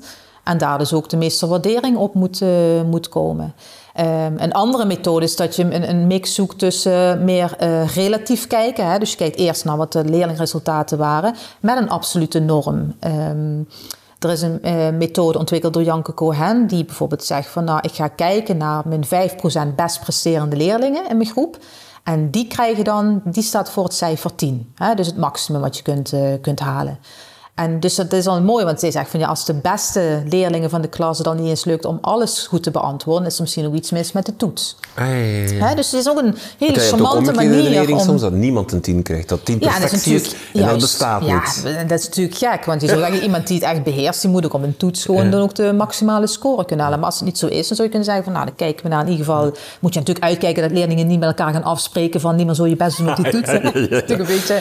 Maar dit zijn wel, ja, ik denk dat césuurbepaling en de manier waarop je het Ja. doet, dat dat een hele, hele, hele praktische stap is om eens naar je eigen toets te kijken. Hoe doe ik dat eigenlijk? Het lijkt me ook een, een, een discussie die je begint met je vakgroep. Ja, En, en je eindigt samen. dan met uiteindelijk in, in vraag stellen van je hele curriculum. Hè, wat jij Ja. Dat wordt het al een paar keer gevallen. En dat je, maar dat je dat, dat een, een, een simpele vraag stellen over een, een simpel toetsje van jongens, waar ligt hier nu eigenlijk de 5 op 10, waar ligt hier de césuur? Dat die kan leiden tot een heel veel groter gesprek, of de katalysator kan zijn om een veel groter gesprek te voeren Precies, over... maar voorkom dat je niet in, in, in, in, in die toets verdringt, maar steeds teruggaat naar wat, wij wat vinden wij belangrijk dat hier leerlingen gaan leren. Dus steeds terug naar jouw onderwijsverantwoordelijkheid. En niet zozeer alleen naar je toetsverantwoordelijkheid. Kijk, dat je uiteindelijk een zorgvuldige beslissing moet nemen over of een leerling bevorderd mag worden, of, of die eh, een remedieringsplan nodig heeft, of dus een diploma. Dat vind ik heel legitiem. Maar het begint wel eerst bij de vraag van. ehm, dus ik, ik noem mijn blog, ja, die ik binnenkort ehm, publiceer, ook toetsgerust, maar doe het curriculum bewust. Dat het echt gaat over. eh, je bent niet als docent opgeleid om voortdurend toetsen na te kijken en antwoordmodellen te verzinnen en cijfers te geven. Je bent daar om een leerling naar een zelfstandige beheersing van jouw mooie vak te brengen. En hem daarin te enthousiasmeren en daar succeservaringen in te bieden. Nou, als een leerling na drie weken al een drie krijgt op een toets. Ehm, ja, dan, dan, dan, gaat het ook, dan is het ook al feedback op Ja, gaan de luiken ja, dicht. Ja, van, van nou ja, weet je, ik, ik ben hier te dom voor of ik kan dit niet. Of, ehm, Eh, Ik wou vragen, wat doe je als je meerdere doelen toetst op een toets, op één overhoring? Eh, dan kan het zijn dat een leerling bijvoorbeeld 7 op 10 haalt, maar alle vragen van één van een bepaald doel dat je wil dat hij behaalt, niets juist heeft. En dan heeft hij toch 7 op 10 of 70 procent. Het is zo waar je ook eh, attestering of, of, of als je praat over iemand die doorgaat, waar ik het altijd heel moeilijk mee vind, is of waar, waar je mee sukkelt is van, ja, die heeft eigenlijk niet alle doelen behaald. Wel 70% van de doelen zou je kunnen zeggen, maar niet allemaal. Hoe ga je daarmee om als je een toets maakt? Nou, wat ik al heel krachtig vind, is dat je de analyse hebt gedaan en dat je dat eruit hebt gevist. Dus dat geeft jou als docent al heel veel inkijk in waar leerlingen staan. Dus de summatieve toets gebruik je eigenlijk voor je formatieve proces. Hè? Dus door in je didactiek dan bijvoorbeeld te zeggen in de periode erop, Ja. deze leerling zal ik daar meer op moeten bedienen. Je zou ook kunnen zeggen dat je een vorm van cumulatief toetsen, hè, dat je zegt in periode 1 heb ik eh, deze twee thema's behandeld. in periode 2 komen thema 3 en 4 erbij. Maar in plaats van dat ik alleen thema 3 en 4 toets, haal ik ook nog uit thema 1 en 2 enkele Ja. vragen om nogmaals eens te checken of in de tussenliggende periode het mij als docent is gelukt. Om ook bij deze leerling, Ja. op dat doel het de eerste keer eh, nou, aan ontbrak, om te checken of dat nu geremedieerd is en hersteld. Sowieso is dat, sowieso is dat denk ik een mooie manier om, eh, ook in het testeffect, hè, waar jullie in Ja. een eerdere podcast het ook over hebben gehad, eh, ervoor te zorgen dat een toets niet een afsluiting is van een leerproces, Mm. maar dat het iets blijvends is voor leerlingen. Want een doel wat jij hebt gesteld hè, in periode 1 en 2, dat is een doel waarvan jij zegt dat is nodig om succesvol te zijn in het volgende leerjaar. Ja. Ja, als je het dan al in september afsluit, eh, in hoeverre leeft het dan nog bij die leerling? En kan je dus ook in juli van dat jaar zeggen, ja, die leerling beheerst dat doel voldoende, terwijl die informatie al tien maanden oud is. Dus dit zou een optie zijn, maar misschien heb jij nog een ander idee, Nee, Dominique, over hoe dit Nee, zou kunnen. Het is ook heel hard vanuit punten gedacht van mij natuurlijk. Door, door het zo te verwoorden van een leerling heeft 7 op 10 en een doel niet behaald, is weer Ik wil daar dat een je punt vanuit komt. het curriculum denkt. Hè? Ja, dus of ja. ik wil, het is natuurlijk Ja. niet aan mij om te zeggen wat jij Nee, moet doen. nee, nee, maar maar- ehm, ik denk, hoe, hoe meer jij bewust bent van hoe jouw curriculum er in een jaar uitziet... en wanneer welke inhouden aan bod komen, hoe die op elkaar voortbouwen... hoeveel herhaling, diepgang daarin zit, hoeveel tijd je daar ook voor hebt. Hè? Laten we dat niet vergeten. Hè? Ehm, hoe meer je ook zo'n toetsresultaat op een bepaald moment kunt gaan duiden. Dus als je ziet van op dat moment is het... en jij weet dat dit leerdoel ehm, niet fundamenteel is... om een volgend leerdoel in een volgend blok te kunnen begrijpen... dan ga je er anders naar kijken dan wanneer het echt voorwaardelijk is... om met de nieuwe stof in het volgende blok aan de slag te kunnen gaan. Dus hoe meer je besef hebt van jouw routekaart van komend jaar... dan weet je ook veel beter van op welke momenten moet ik ook welke informatie achterhalen... en wat moet ik dan in ieder geval hebben gezien... om mijn curriculum ook effectief en efficiënt te houden. Want we praten nu al, al een tijd over toetsingen... maar ik wil wel ook heel graag benoemen dat... ehm, als we toetsing heel goed willen doen, dit ook wel heel veel vraagt van docenten. En er zijn inmiddels heel veel mensen die eh, van alles te vertellen hebben van wat goede didactiek is en een goed curriculum en goede toetsing. Maar dit ook vraagt iets aan condities binnen een school en de facilitering om dit ook in een soort van ritme met elkaar te gaan doen. Dus toetsontwerp, toetsanalyse, eh, curriculumontwerp, eh, eh, formatief. Dit zijn natuurlijk allemaal prachtige thema's, maar die krijgen natuurlijk pas ja, die gaan natuurlijk pas energie geven als zowel docenten als leerlingen ook daar zelf succes en ervaringen in opdoen en zien dat dat iets oplevert. En die tijd is er gewoon simpelweg vaak niet. Je hoort van de ene les naar de ander. ehm, ja, er gebeuren allerlei onverwachte dingen. Dus hoe meer dat curriculum, ehm, ja, het, wat je leerlingen wil leren, ook eh, ja, voldoende ruimte krijgt in de condities die je hebt om dat curriculum te onderwijzen. En voor leerlingen om dat ook te leren, want leren kost gigantisch veel tijd. Ja, dan pas ehm, zou ik pas over, over toetsing gaan nadenken. En nu is het vaak andersom. Hè? We beginnen vanuit de toetsing. En ja, zorg maar docenten dat jullie het allemaal maar onderwezen en geleerd krijgen. Maar er zit, er zit wel een hele grote winst, denk ik, aan de manier waar we nu steeds praten over toetsingen als onderzoeksproces. Ja.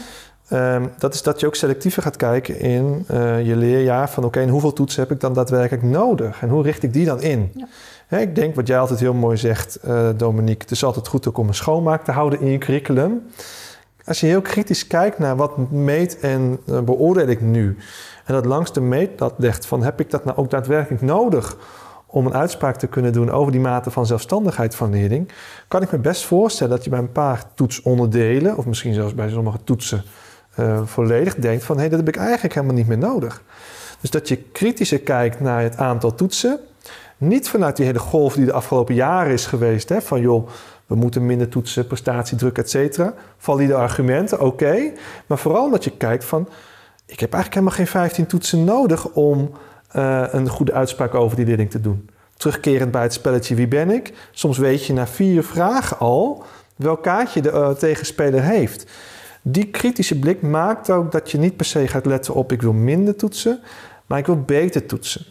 En dat maakt dan dat je tijd vrij speelt om met je sectie te gaan kijken naar die kwaliteit van toetsing. Want het is een heel mooi proces, maar ook een heel complex en, eh, en, en, en lastig proces, wat je gewoon samen met elkaar op moet gaan pakken. Ja, en ook in de organisatie. Ik werk dan zelf in het hoger onderwijs. En wat ik daar altijd fascinerend heb gevonden, is dat je dan een periode van tien weken hebt. En dan heb je acht weken onderwijs. En dan krijgen studenten een week tijd om zich voor te bereiden op de examens.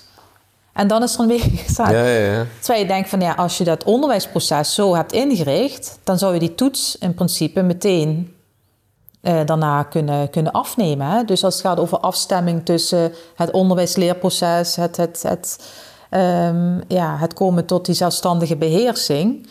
Ja, dus we, we stimuleren eigenlijk ook een, een cultuur van... ehm, ja, je moet gewoon even pieken voor die toets. Ja.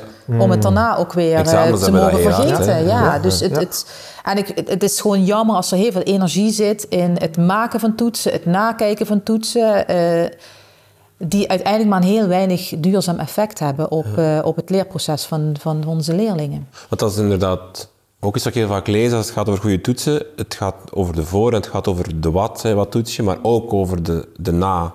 Zelfs bij een summatieve toets is ook al een paar keer gevallen. Een summatieve toets vertelt jou iets over... eh, één, hoe goed was jouw toets? hè? Dat kan je even uithalen uit, uit de antwoorden. Van was, je, was je toets valide? Was je toets betrouwbaar? Heb je gemeten wat je wou meten? Maar ook over waar... eh, welke, welke, welke onderdelen heb ik niet goed gegeven? Even, het is heel veel feedback voor jou als leerkracht, maar ook naar je leerlingen toe. Van, ja, dit, dit stukje kennen ze nog niet en daar bouwen we op voort. Dus je, je moet ook nadenken over wat gebeurt er daarna met die toets of wat, wat, wat voor, wat voor functie heeft die. Ja, zeker. Dus ook, eh, kijk, nu, nu is natuurlijk ook vaak eh, ehm, de aanname dat het goed is om ook feedback bij de toets te geven. Hè? Maar ja, ik zou die feedback niet geven als er ook geen landingsplek meer is in het volgende onderwijsblok om met die feedback dan ook actief aan de slag te gaan. Hè? Of om maar aan te nemen dat de student dat eh, wel prettig vindt. Of, en zeker als het gecombineerd is met een cijfer, dan zie je toch dat studenten of leerlingen naar het cijfer kijken en die feedback al snel eh, voor lief eh, nemen. Maar het, ja, het, het, het blijft de vraag van hoe kunnen we toetsing zo in- inzetten dat het uiteindelijk alle leerlingen en alle studenten vooruit helpt. En niet alleen maar de mindere studenten bevestigt in hun falen en de beste studenten bevestigt in hun kunnen. Want dat weten ze al lang allemaal al. Ook leerlingen van elkaar. Ze hebben al snel in de smiezen van wie goed is. Hè? Een beetje wat je ook zegt. Maar het gaat uiteindelijk om die cisuur. Hè? Van wat vinden we uiteindelijk... ja, Ja, en welk en moment je die ja. moet leggen. Hè? Van ja, we leggen die al heel vroeg. We zijn voortdurend Ja. al vroeg aan het selecteren. Hè? Dus met een, met een ranking van 1 tot 10 of 1 tot 20, of waar ik ook bedoeld, ben je eigenlijk al leerlingen op een volgorde aan het leggen na een paar Ja, weken. en waar je, waar, je, waar je constant ook zoekt naar een groep die niet aan je norm voldoet. En dat is natuurlijk fascinerend. Hè? Van wat, ja, wat doe je wanneer je klas heel matig scoort? Dan ga je misschien bij jezelf nadenken van... hé, hey, eh, wat is hier gebeurd? Maar wat als iedereen bij jou een 7 of hoger heeft gehaald? Ook dan denk ik dat je bij jezelf gaat nadenken van... was deze toets wel goed? Maar dat is ook een interessante gedachte. Als je al een toets instapt met het idee van... ik vind dat 25% van de leerlingen hier een onvoldoende voor moet halen... Maar zo werkt het vaak wel, laten we eerlijk zijn. Ja. Als jij in, je klas iedereen op een 7 hebt staan, mag jij op gesprek bij je, bij je, bij dat je schoolhoofd. Dat gebeurt soms. Terwijl als je uitgaat vanuit het idee, ik wil leerlingen toewerken naar een bepaald leerdoel, dan heb jij als docent toch het streven dat iedereen dat leerdoel ook behaalt. En als je daar die leerling op toetst, dat toch iedereen daar ook een voldoende voor zou moeten halen. Het lastige is dat we op zo'n manier niet toetsen gebruiken, maar dat we ze ook gebruiken voor selectie eh, en, en rangorderen.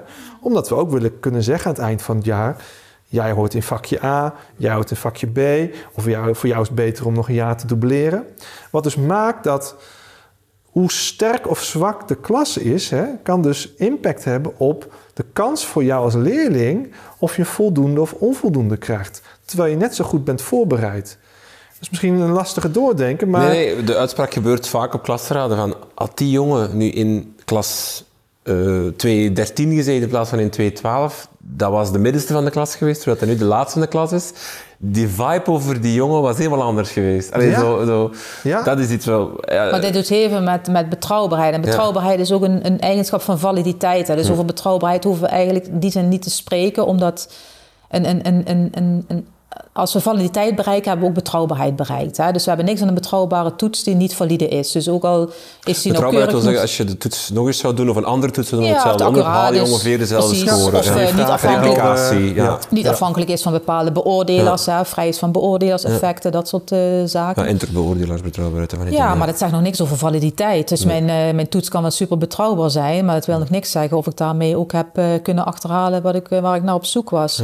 Dus ik denk dat het, het, het menselijke aspect weer terugbrengen en ook het gesprek over kwaliteit van werk en gedrag, dat dat hele belangrijke stappen voorwaarts zijn. Dus vraag niet bij elkaar naar wat waren de cijfers in jouw klas, maar welke kwaliteit van werk hebben jouw leerlingen Mooi. geleverd. Ja. Ja. Ik vind het heel gaaf om gewoon, hè, wat je vroeger had toen je bij je kinderen, of, of jullie zitten er nog middenin, sorry. Vroeger bij mijn kinderen, dat, ik op een school kwam en ik hoefde niet de grafiek, ik wilde helemaal niet zo graag die grafiekjes zien of die cijfers. Ik wil, de kwaliteit, ik wil het werk van mijn kinderen zien. Ik vond het heel gaaf als, een, als een leerkracht mij ehm, gewoon werk liet zien van, en dat uiting gaf aan een bepaalde zelfstandigheid. Dus eigenlijk als je als, je als ouder een, een, spreek, nee, een schrijfopdracht terugkrijgt van, van, van je zoon of dochter, moet je niet vragen hoeveel, hoeveel punten had je, jouw, jouw, jouw buur, maar breng die taak van je buur eens mee, Ja, die eens kan lezen. Daar krijg je veel meer energie van. je, eh, dat- maar dat is voor een docent ook veel mooier om over te praten, want dat geeft uiting aan het vak. En ik, ik zou in toetsen het vakmanschap en de inhoud van het curriculum wel veel meer een plek willen hebben in plaats van, van de, de cijfers die mij aan zich nog helemaal niks zeggen. Zijn jullie van, informatie. van comparatief be- van beoordelen? Ja. Ja, nou, ik vind comparatief beoordelen. over, En, en het, het vergelijkend beoordelen is niet alleen heel leuk met leerlingen. Hè, dat doen we bij Toetsrevolutie om kwaliteit van werk te leren zien. Maar ook een prachtige methode om een césuur te bepalen. Dus eh, een, een, een collega eh, met wie ik toen tijd bij de, bij de Radboud Universiteit heb gewerkt, eh, die, die werkt eh, met schrijfonderwijs. En die heeft met zijn eh, collega's in de basisschool heeft die naar schrijfwerk van, of handschrift gekeken van leerlingen die naast elkaar gelegd en met elkaar het gesprek aangaan van welke kwaliteit van handschrift bij onze leerlingen streven we na. Ja, dat vind ik fantastisch. Hè? Dat je dan, eh, en dat kan misschien dan op dat moment nog maar twee leerlingen in een bepaalde groep, maar het geeft wel een, een, een positieve, hoge eh, inschatting van, ja, maar dit, dit moeten wij met elkaar, eh, gaan we hiervoor? Als, maar als we hiervoor gaan, dan heeft het ook implicaties voor de tijd die we erin investeren, de didactiek. Dus er moet ergens ook iets af. En ik denk dat keuzes maken in een curriculum, wat is essentieel om te toetsen, maar misschien ook niet. Dat is eigenlijk een hele belangrijke vraag. Want we toetsen ook heel vaak veel, één keer. En dan kun je je afvragen van, ja, hebben we dan iets gezegd over beheersing? En hebben we iets gezegd over of er daadwerkelijk ook geleerd is? En dat... ehm, dus ja, ja, dit is eigenlijk een fantastisch thema en, en om mee bezig te zijn. Echt, eh. Want je zegt nu, ja, veel toetsen eh, heeft dat nut, maar ik geef elke week een toets aan mijn leerlingen geschiedenis over de lesweek daarvoor. Eh, heel kort, één à twee vraagjes. Puur als doel wil ik eigenlijk, ik hoop dat ze niet luisteren, dat ze het niet doorhebben, dat ze de, les, de lessen van daarvoor nog even herhalen, nog eens studeren. Heeft dat een... Dat kan wel, of is dat een goed, is dat een goed idee? Of, of zeg je dan, dat is toetsen om te toetsen, je, bent aan het overdrijven? Maar wat is het doel? Hè? Je legt heel mooi uit, wat is het doel van de, van de, van de inzet hiervan, hè? van deze aanpak? Het is toch voor jou om scherp te krijgen, heb ik de leerlingen het goede overgebracht, hebben ze dat eigen kunnen maken en wat helpt dat mij weer in de rest van mijn... Ja, en ook om, om, hen, om hen te dwingen om wekelijks geschiedenis te studeren en niet te wachten tot kijk, wat de je grote doet, toets ehm, over vijf weken of het examen nog erger. Als ze dat, en dan pas zeggen van nu ga ik eens alle lessen studeren.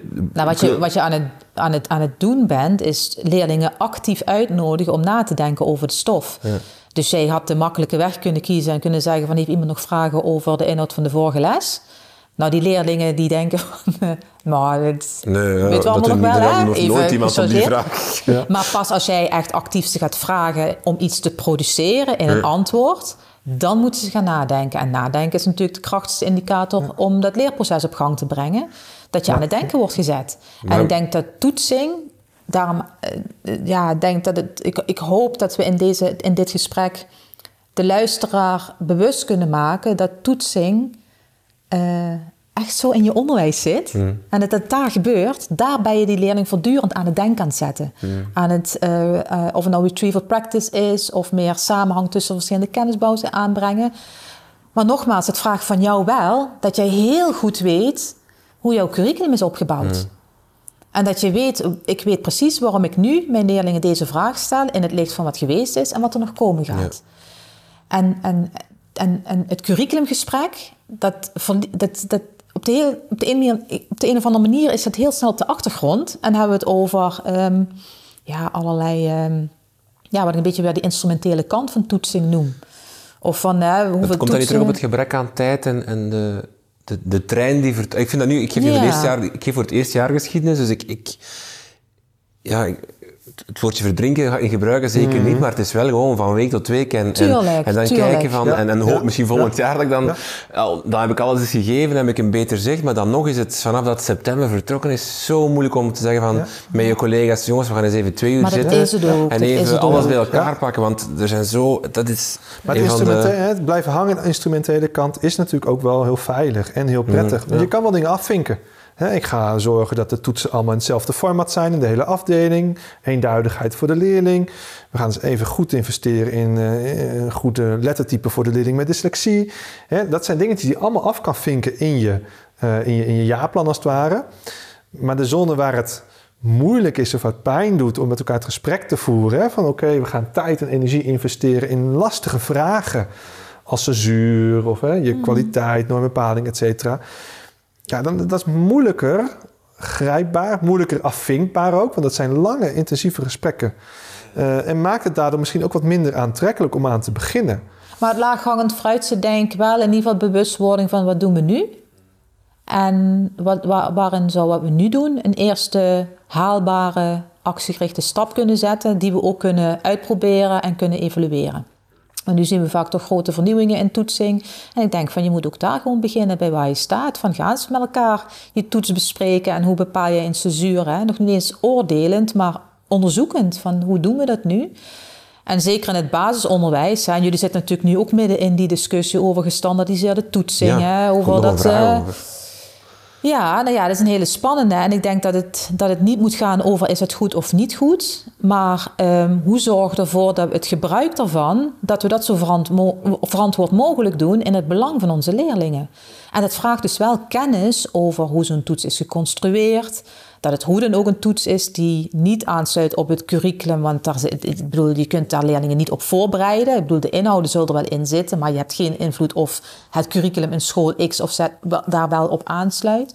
Dus die bewustzijn, en dat noem ik ook curriculumbewustzijn, gaat wel helpen om daar in de communicatie en het gedrag in scholen al ehm, ja, wat in te beïnvloeden.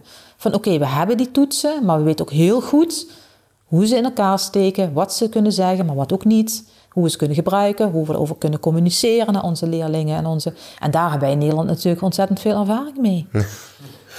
Want eh, bijvoorbeeld teaching to the test, eh, als we het toch over die gestandaardiseerde, de Vlaamse toetsen hebben die sinds dit jaar eh, afgenomen zullen worden, teaching to the test, er wordt altijd over gezegd, ehm, niet goed, behalve als je test echt goed is en echt, wil, echt meet wat dat jij, dat, dat, eh, dat kwalitatief eh, gedrag, of, of eh, ook echt vraagt en toont, Ja, dan is het wel heel goed. Ja, en waar leerlingen- Teaching the standard dit het dan Precies, alleen. en maar waar leerlingen zich ook op hebben kunnen voorbereiden, Ja. waar ze op kunnen oefenen. Dus het is natuurlijk heel kwalijk als je leerlingen een mooie toets geeft waar ze zich niet op hebben kunnen voorbereiden. Dus transparantie heeft voor mij ook te maken met van leerlingen ook inzicht geven met wat, niet welke exacte vragen je krijgt, maar wel dat je een soort beeld hebt van hoe word je dadelijk eh, beoordeeld en op, eh, op, op, welke, op welke manier en hoe ziet dat, er, eh, hoe ziet dat eruit.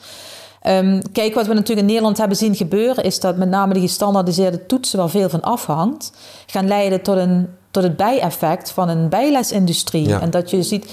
Dat en in is- Nederland was juist het hele ontstaan van die toets, hè, ehm, was juist om kansengelijkheid te bevorderen. Dat juist leerlingen niet meer de dupe zouden zijn van de, van de subjectieve oordelen van leerkrachten. Ja, dus daar kan gestandaardiseerde toetsen een hele goede rol in vervullen. Maar niet als het vervolgens leidt tot een nieuwe markt. Waarin juist weer de kinderen uit welgestelde milieus kunnen profiteren van trainingen. Echterinken die letterlijk oefenen op dat soort vraagtypes. En we moeten bewust zijn dat ook vaak leerlingen en studenten zich voorbereiden op een toetsformat. Dus als mijn kinderen weten dat ze een multiple choice toets krijgen, bereiden ze zich anders voor dan wanneer ze een open vragentoets krijgen. Dus dat is ook wel super interessant. Hè? Dus die transparantie is wel belangrijk. ja, enorm. Ja. Nou ja, ik Ja, vind dat we hebben ook al verschillende manieren ge- gezegd hoe dat je bijvoorbeeld punten kan geven. Je kan met de 5% werken, je kan en dat soort dingen. Je kan het laten variëren, je kan het vastzetten. Ook die transparantie geven is belangrijk om, om aan je leerlingen te vertellen. Ja, ik, ja, ik ben, maar misschien, misschien zal lang niet iedereen met mij eens zijn, maar eh, ik denk heel erg vanuit het belang van de leerling en de student, want het is de meest kwetsbare partij in toetsing, hè, die ervaart de consequenties van het toetsresultaat het meest. Dus dan moet echt tegenover gestaan dat je ook zo transparant mogelijk bent over de eisen die straks eh, worden gesteld, de manier waarop een toetsresultaat tot stand komt. Maar ook ehm, wat het van jou vraagt als leerling en student om je daar goed op te gaan voorbereiden in het onderwijs, zodat je daar ook succesvol op kunt zijn. Dus er zit ook een verwachting in naar je participatie in het onderwijs, want daar zit het harde werk. Daar staat het zweet op de juiste rug. En nu is het vaak omgedraaid, dat even studenten en leerlingen pas gaan zweten als de toets komt. Nou, dat zweten moet eigenlijk vooral in die klas zitten, zodat ze minder hoeven te zweten als die, eh, als die Ik toets ben komt. altijd blij, ergens blij als ik kan vertellen aan mijn leerlingen wat, wat de vragen van de toets zijn op voorhand. Ja, bijvoorbeeld eh, bij zinsleer kan ik dat eigenlijk helemaal doen. Dan zeg ik, gasten, ik ga vijf zinnen geven en jullie moeten daar het onderwerp en dat soort dingen in aanduiden. En dan ben ik ergens al, niet, ja, opgelucht is een veel te groot woord, maar dan weet ik van, oké, iedereen is nu heel, weet nu heel duidelijk wat er gaat komen. Dus Daarover gaat al geen discussie of gedoe zijn. Iedereen kan zich perfect voorbereiden. Ga ik dan te ver of is dat net een... een... Nee, want ik denk dat juist ook daarin je weer je, je validiteit van je toets kan verhogen. Hè? Omdat leerlingen van tevoren weten, dit staat me te wachten. Dat betekent dat ik zoveel eh, tijd nog ga investeren in de dagen daarvoor, in de voorbereiding daarvan. Zodat de meting ook eh, ja, op niveau is. Hè? Als het ware, de leerling heeft zich goed kunnen voorbereiden en kan het, ze het maximaal laten zien wat hij in zijn macht, eh, in zijn mars Ja. heeft om Ja, eh, weet je- te weet- presteren. Wat, wat eigenlijk ehm, de meest moeilijke vraag is van hoe kom jij eh, door jouw toets iets te weten over jouw leerlingen die je niet in de toets hebt bevraagd? Adam Boxer heeft daar een hele mooie blog over geschreven en hij zegt eigenlijk van je moet je toetsvragen zo ontwerpen dat, dat ehm, je daarmee ook iets te weten komt over de vragen die je misschien ook had willen stellen, maar niet hebt kunnen stellen. Dat klinkt misschien een beetje vaag, maar dat komt natuurlijk omdat je jouw vragen trekt uit een hele steekproef van vragen die je had kunnen stellen.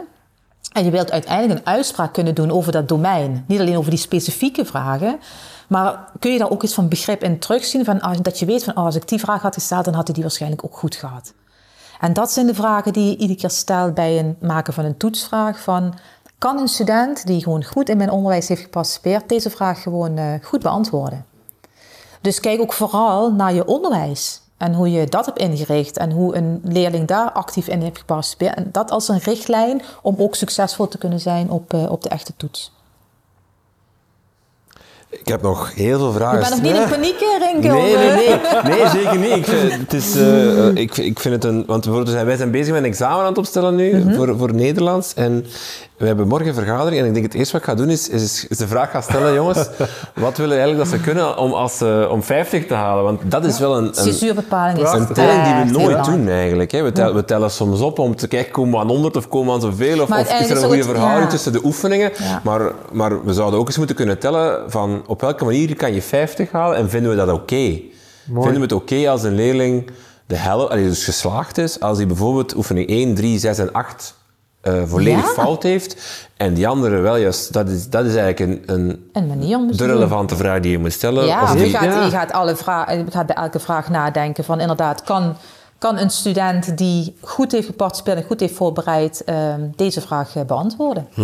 En eh, ja, kijk, het is natuurlijk interessant dat we in, in Europa al heel veel verschillende manieren van ook toetsresultaten scoren hebben. Hè? Dus Nederland hebben we van 1 tot 10. Jullie werken geloof ik met een mix van 1 tot 10 en 1 tot 20. Of hoe is het bij jullie? Het, eh, god, dat, dat kan alle kanten op gaan. Eh, de- de- sommige scholen drukken het uit van 1 tot 10, sommige in percentages. Op hogeschool is het meestal t- eh, een score op 20. Ja, maar op precies. universiteiten is het op 20. Maar hoe dan ook, in Nederland hebben wij dus 1, 2, 3, 4, 5 om een onvoldoende te, eh, te... Dat is dus de helft van de schaal. Dat is, in, bijna, in geen enkel land is dat zo. Hè? Dus Zweden heeft alleen maar de F als onvoldoende. Duitsland hebben ze alleen maar eh zie je ongenügend dat en mangelhaft Ja. voor onvoldoende. Vier van de zes. Dus ja, ik vind dat gewoon fascinerend. Dat we dus ook ja, op verschillende manieren. Wij hebben dat niet, dus we hebben enkel wel zeker de, de voldoende of onvoldoende, de geslaagd of niet geslaagd censuur.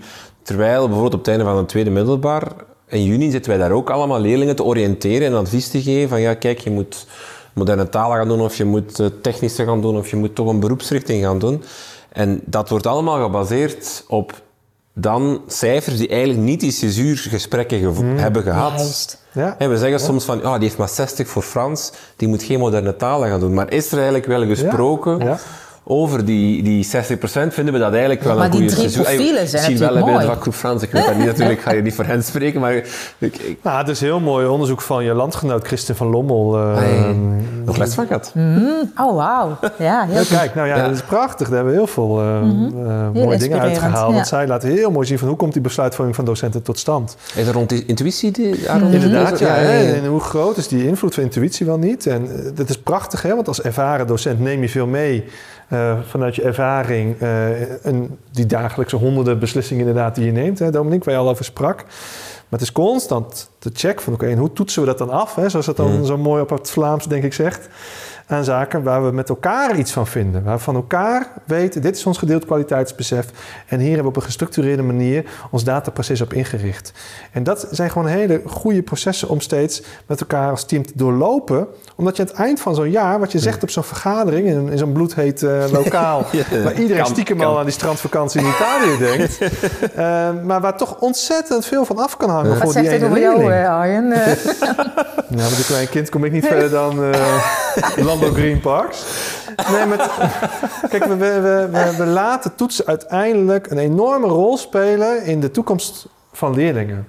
En is het dan ook niet onze verantwoordelijkheid om er dan vanuit te gaan en ervoor te zorgen dat die toetsen zo objectief mogelijk, zo betrouwbaar mogelijk, maar het zijn zo dus niet die toetsen, mogelijk- hè? Het zijn niet die, to- die toetsen zelf doen niks. Het is Nee. wat wij Klopt. De als, censuurbepaling, het als, gedrag als, dat als wij willen... mensen ja. eh, Ja. met die toetsresultaten doen, hoe Ja, we ze interpreteren, ja. hoe we ze omzetten naar beslissingen. En ik denk dat het vooral belangrijk is om voortdurend na te denken over welke beslissing wil ik op welk moment kunnen nemen, zo goed mogelijk, en welke informatie heb ik daarvoor nodig en wat ga ik mijn leerlingen daarin laten doen om die informatie te krijgen. En het kunnen didactische beslissingen zijn, diagnostische beslissingen, certificeren. Maar die certificerende beslissingen, die kun je eigenlijk heel lang uitstellen. Er is geen enkele reden om al na vier weken tegen een leerling te zeggen van op dit vak scoor je eigenlijk al zwaar onvoldoende. En wat Vanuit we soms leren wel doen, is daar geen, Ja. vind ik het heel moeilijk om daar een rationale voor te vinden. Wat, de- wat een argument is om naar een leerling te zeggen: of, of, je hebt nu een 3. Of een 2 of een 1. Of je hebt een- het, het, het, dat, dat bewustzijn vanuit de doelen die je met je en de bedoeling die je met je onderwijs hebt. En certificering bedoel je daar dan mee cijfers algemeen? Nee, echt een, een, selecterende beslissing. ja. Een, een certificerende beslissing. Dus selecterend kan zijn van oké, je gaat na een paar jaar naar het VWO of HAVO. Dat zal hier dan anders zijn. En dan op het einde is het... eh, kijk, uiteindelijk neem je in het middelbaar onderwijs uiteindelijk één certificerende beslissing. En dat is als je diploma krijgt. En dat zie ik ook wel op sommige Ja. scholen nu ontstaan. Ja, dat vind ik prachtig, waar dan echt nagedacht wordt over... joh, wat willen we dan aan het eind van die rit weten van leerlingen? We beginnen in het eindjaar. Wat voor leer- leerdoelen kennen we dan? En met een soort van eh, eh, top-down benadering werken we dat door naar het eerste leerjaar. En dan, nou, ik sprak vorige week nog iemand van de school... die dat prachtig voor elkaar... waarin de eerste drie jaar eigenlijk niet geselecteerd werd wel toetsen werden afgenomen, maar puur en alleen om leerlingen feedback terug te geven en hè, die didactische beslissingen op te baseren, zodat een leerling ook eens een uitglijder mag maken hè, en niet meteen gedemotiveerd raakt. Nee, dit is de feedback waar jij mee aan de slag kan. Succes. En dat we pas echt zeggen, joh, na twee, drie jaar, dan komt ook zo'n examenmoment in het zicht hè, in Nederland.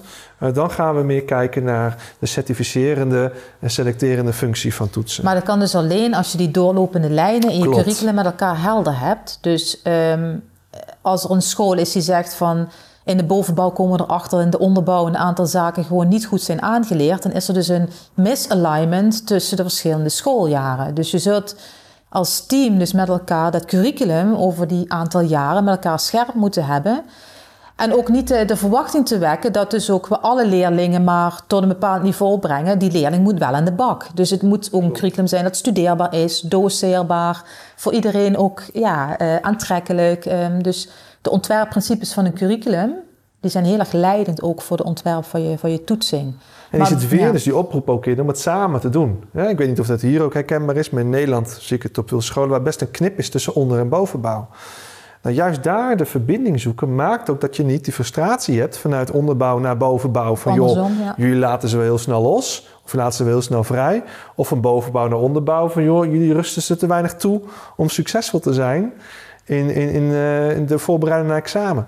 En dat is een heel mooi onderzoekje wat dan eh, docenten vraagt met een 1, 2, 3 vragenlijsten van joh, kan je nou eens in beoordelen of het jou als docent nu lukt eh, om met je toetsen in beeld te krijgen waar de leerling staat. Nou, heel veel docenten reageren daar positief op. Ja, dat lukt me. En beoordeel nou eens de docent van het leerjaar voor jou. En daar zijn docenten vaak heel kritisch op. Dus wat je daarin dan merkt, is dat we met een bepaalde bril kijken naar ook de aanleverende docenten. Maar dat het dus inderdaad ook daadwerkelijk kan dat daar die misalignment eh eh daadwerkelijk ook zit. Ja, ik, ik, heb, het gevoel zo na, na, dit uur en twintig minuutjes van... Je kan eigenlijk niet over toetsing praten zonder heel het onderwijsproces mee te pakken. We hebben het hier al gehad over, over curriculum, over, over vroegere of late differentiaties, bijna sociologie dat erbij komt, over, over validiteit, over, over teamwork, over al die dingen. Het, het, het is... Soms denk ik van het is een te groot proces in onderwijs, maar misschien omdat we dan te veel hebben over examen en cijfers en, en, en attesteren. Maar tegelijkertijd, als je het over hebt, dan heb je het over heel het onderwijs, of over heel het, Het- het- onderwijsproces, of het hele leerproces, Klopt. dat het zo zeggen. Dus het is ook wel iets groot, maar je moet het op de juiste manier, denk ik, dan groot en belangrijk en de juiste plaats geven. En, en begin klein, hè, wat jij ook net al mooi eh, benoemde, Dominique. En weet ook dat het kan. Er zijn hele mooie voorbeelden van scholen eh, waar ze samen aan, elkaar, aan de slag zijn gegaan om op een andere manier eh, dit onderzoeksproces in te richten. Ja, het vraagt heel veel aanspreekbaarheid, wederzijds, wederzijds aanspreekbaarheid, verantwoordelijkheid, leiderschap. Kennis, maar wel expertise. vanuit, het begint wel bij een gemeenschappelijke kennisbasis over eh, leren, didactiek en toetsing. En, en dat is gewoon een forse kennisbasis die je daarvoor nodig hebt. En, maar ik zou het zonde vinden als een, een docent nu hartstikke investeert in de bouwstenen van wijze lessen. En geen hulp krijgt van hoe kan ik dit nou vertalen naar ook een, coher- een coherent curriculum en een coherent toetsprogramma. En dat, dat maakt het zo ingewikkeld, maar tegelijkertijd ook, eh, ook heel mooi. En ja, weet je, ik, ik gun het jullie ook als, als docenten eh, om straks te horen van, oh, Rink heeft ons gewoon fantastisch onderwijs gegeven en superveel geleerd. En niet van, oh, wat gaf hij toch fantastische toetsen. Ja, Hè, dus moeilijke eh, toetsen. ja, nou ja, of dat, hè, moe- moeilijke toetsen. Ja, Ja, ik bedoel, ja. ja, dat, ehm, want dat is toch uiteindelijk waar, eh, ja, onderwijs is toch de plek waar je leerlingen en studenten bagage kunt meegeven die ze zonder onderwijs niet zouden hebben gekregen. En dat is, gaat echt veel verder dan ehm, ja, het, het, geven van, van toetsen. Maar je durf je eigen opvattingen daarover ter discussie te stellen. En dat is helemaal oké. Maar daar begint het wel van, eh, wa- waarom doe ik dit eigenlijk zo? En dat, eh, en dat geldt voor ons allemaal. En dat, ehm, ja, dus, eh, dus ook wat rust en vertraging. Het of niet meteen allemaal anders, hè? Dus, eh, We, ga- we gaan de show notes nog stofferen met eh, extra leesmateriaal. Eh, kijk daarvoor naar jullie om mij links door te sturen. We hebben jouw blogpost natuurlijk die we er zeker in gaan zetten. Misschien nog wat, ik zie nog wat boeken op de tafel liggen. Misschien daar nog wat eh, leestips die we kunnen tippen Zeker, aan eh, de luisteraars. Dominique Arjen, heel veel dank voor dit gesprek. jij ook. Jij bedankt.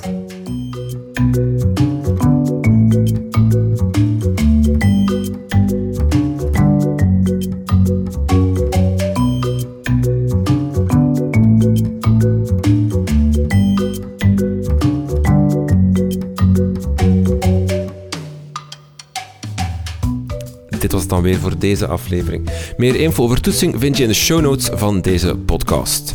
Volg ons op Instagram of Twitter om op de hoogte te blijven van onze plannen en nieuwe afleveringen. Dank voor het luisteren en tot de volgende.